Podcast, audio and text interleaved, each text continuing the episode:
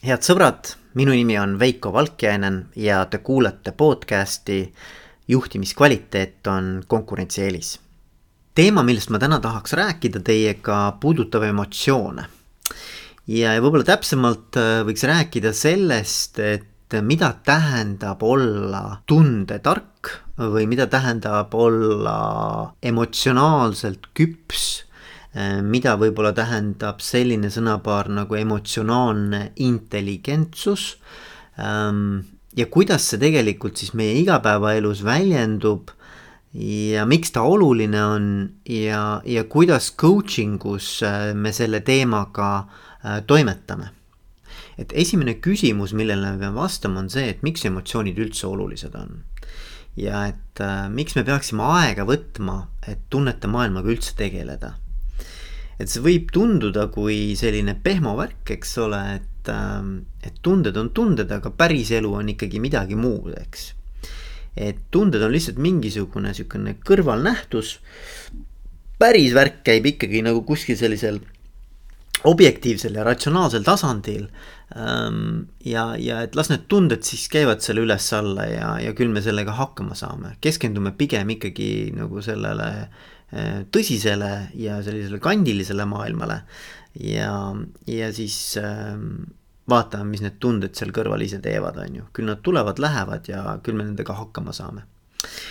aga mis äh, mu coaching'u praktika nagu välja on toonud, on ikkagi see, et äh, midagi ei ole teha, me oleme, me oleme emotsionaalsed olendid, me oleme väga paljuski ikkagi oma tunnete poolt juhitud äh, ja kui meie ei juhi neid tundeid äh, ja ei teadvusta ja ei oska neid äh, paremini nii-öelda enda kasuks äh, pöörata, siis juhivad nemad meid, midagi ei ole teha. ja, ja tavaliselt, mis juhtub, kui nemad hakkavad meid juhtima, siis ega see väga head nahka ei anna.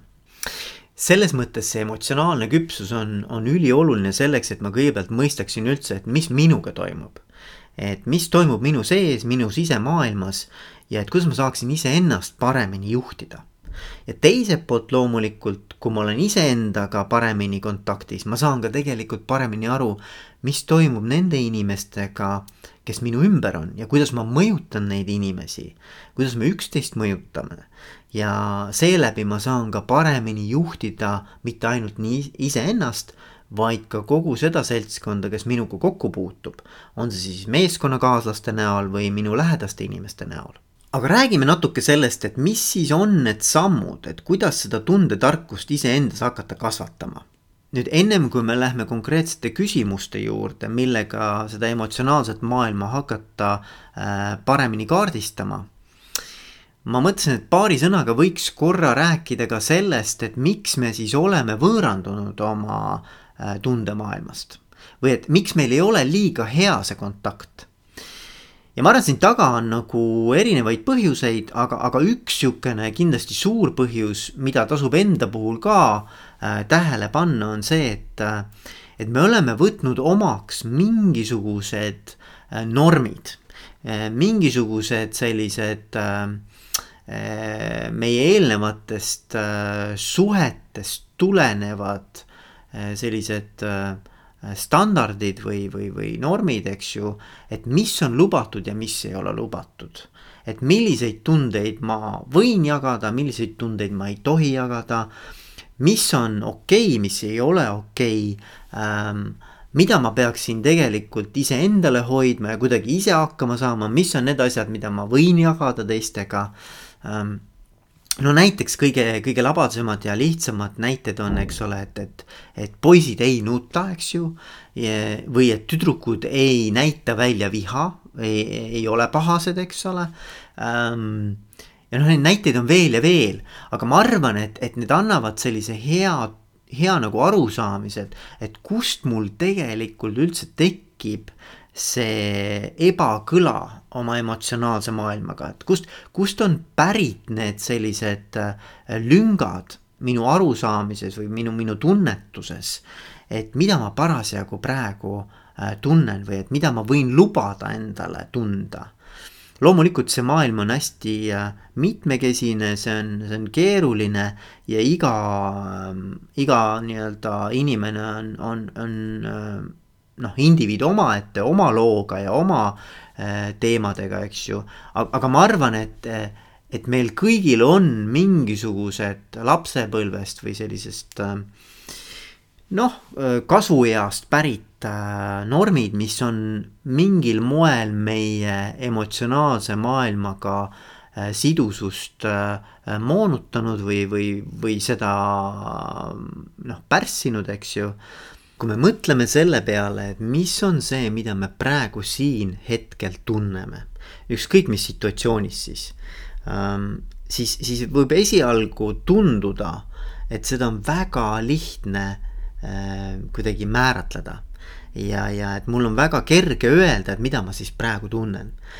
Aga kui ma palun seda teha oma coach itavatel, siis, siis neil ei ole seda lihtne teha, tegelikult on see üpris keeruline, me ei ole harjunud oma tunnetele ja, ja, ja emotsionaalsetele meeleseisunditele näppu peale panema. Ja esimene samm võib-olla olekski, et noh, kuidas üldse hakata oma emotsionaalset maailma paremini teadvustama ja sellega paremat kontakti saavutama, ongi see, et äh, küsida enda käest erinevatel ajahetkedel, et mis on see, mida ma päriselt praegu tunnen. et püüa sellele kuidagimoodi mingisugune silt külge panna et mis asi see on, mida ma tunnen, eks ju. võib-olla seda on lihtsam teha siis, kui sul on natukene emotsionaalselt intensiivsem äh, reaktsioon. Et äh, midagi juhtub välismaailmas, mingi välisärritaja või välisstiimul, mis sind tegelikult äh, ühel või teisel moel puudutab, eks ju. et siis püüa kuidagimoodi see kirja panna, mis asi see on, mida ma tunnen praegu. ja tavaliselt, mis juhtub, on see, et esimesena toimub reaktsioon mitte meie nii-öelda nagu tunnete tasandil, vaid esialgu toimub äh, reaktsioon meie kehas.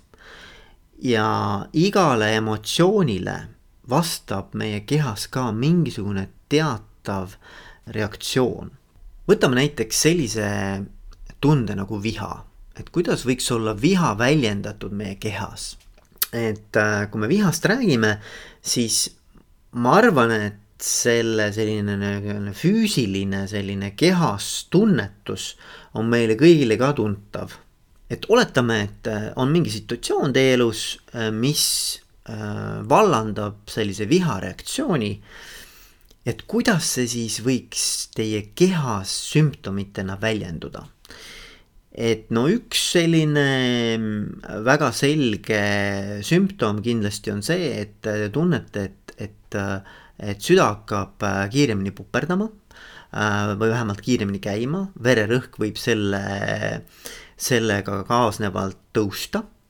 Äh, mis võib veel olla, võib rindkeres teatav selline pitsitus olla, eks ju, ta tõmbab kuidagi kokku nii-öelda natukene ähm,, natukene selline sur-, surutud tunne võib olla rindkeres, on ju ähm,. mis veel ähm,, võib-olla, et äh, üle keha käib ka mingisugune selline soojalaine, võib, võib-olla, et äh, näiteks kaelas või, või siin kaela piirkonnas äh, tekib selline õhetus, tekib teatav selline äh, soojatunne, eks ju ähm,. samamoodi, mis võib juhtuda, on, et, et äh, käed, eelkõige siis peopesad lähevad natukene selliseks märjaks, higiseks, eks ju ähm, lisaks eelnevale võib tegelikult olla ka tunda, et näiteks äh, lõualuulihased lähevad pingesse, hakkad niimoodi nagu natukene nagu hambaid kõrgistama. et see kõik viitab sellele, et on toimunud mingisugune selline füüsiline reaktsioon äh, välisele stiimulile ja et keha on nüüd valmistumas mingisuguseks agressiivseks äh, äh, kas siis vasturünnakuks või põgenemiseks, eks ju. et ähm, et te olete viinud ennast kehaliselt, ennem kui isegi te jõuate äh, ratsionaalselt selleni, et te saate aru, et äh, minus on praegu viha või selline viha emotsioon, eks ju, või vihaga seotud emotsioonid ähm,, toimub kehas see reaktsioon ära. et ma arvan, et esimene samm ongi, et, et hakata teadvustama endale, et mis minu kehas toimub. et küsida endale, et oot-oot-oot, et mis minuga praegu toimub. mis see oli, mis äh, mu kehas neid reaktsioone vallandas ja mis asjad need on, mis mu keha siis tunneb, eks ju. ja sellele järgnevalt saab siis küsida enda käest, et aga mis see tunne on? et mis tunnet ma tunnen praegu ja, ja võib-olla isegi küsida, et, et mis tunded sellega veel seotud on. et minna natuke sügavamale, et aru saada, et, et kas seal on veel mingisugused võib-olla äh, sügavamad alam äh,, sellised metatunded, eks ju. et mis on selle vihaga seotud. et mis siis võivad olla need äh, seotud tunded, mis vihaga seonduvad, eks ju. et noh, eriti kui ta on selline äh, äkkviha, siis ta võib olla raev, eks ju. võib olla ka tegelikult mingisugune solvumine, võib olla kibestumine, eks ju. võib olla ärritus, eks ju, mingisugune kergem, kergem selline viha äh, versioon äh,. pettumus, eks ju. võib olla ka meelepaha, eks äh,. võib olla vägivald, eks ju, või piiride ületamine, eks ju, mis vihaga seotud on äh,. vaenulikkus, eks ebaõiglus. et need on kõik tegelikult sellised äh, alamteemad, mis võivad olla seotud selle vihatundega ja ülioluline enda jaoks küsida, et kuule, et pane kirja kõik need erinevad emotsioonid ähm, ja tunded, mis sul selle vihaga parasjagu äh, kaasnevad. et see aitab paremini ka aru saada, et mis see emotsioon on. nüüd üks pool on tõesti see, et aru saada, äh, et, et mida ma tunnen. ja seda nii siis nii-öelda füüsiliselt keha tasandil kui ka siis äh, tunnete tasandil, et see väga selgelt püüda nagu kirja panna, ära nii-öelda ära sildistada. aga teine pool sellest on, et küsida ka, et mis oli see päästik või mis oli see trigger, mis mind käima tõmbas et kui vaadata sellele situatsioonile, vaadata sellele olukorrale otsa, eks ju, siis kirjeldada ära, et äh, mis oli see, mis mind sellisel moel ikkagi äh, reageerima pani, mis, mis oli see käivitav jõud, eks et ma arvan, et see on ka oluline hästi selgelt nagu enda jaoks ära defineerida, sest et hiljem on seda siis väga hea ära kasutada ja sa saad nagu teadlikumalt tegelikult oma keskkonda ka kujundada. et neid päästikuid oleks kas siis rohkem või vähem, olenevalt sellest emotsioonist, et, et kas ta on siis nagu positiivne või negatiivne ja, ja sa saad seda, seda nii-öelda keskkonda siis vastavalt ka äh, hakata muutma endale sobivamaks nüüd kolmas teema, mis äh, emotsioonide lahkamise või emotsioonide kaardistamisega äh, seotud on, on, on siis, et see sõnumi teema, see sõnumi osa. et äh, kui me tunneme mingisugust emotsiooni, me, me kogeme mingisugust emotsiooni, näiteks kogeme viha, et siis alati küsida enda käest, et mida see emotsioon, see viha tuli mulle ütlema, mis on see õpetus, mida keha mulle praegu ütleb selles situatsioonis. miks ma sedasi reageerin, mis asi see on, äh, mida ma nüüd siis peaksin sellest kaasa võtma, et adekvaatselt reageerida. nii nagu valuaistingud annavad meile tegelikult edasi teateid, et mis ei ole okei okay või mis on meile kahjulik, on ju, et ära tee niimoodi.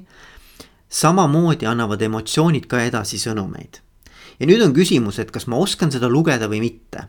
kui me räägime vihast, siis viha tavaliselt äh, tähendab seda, et äh, minu piiridest on ühel või teisel moel üle sõidetud.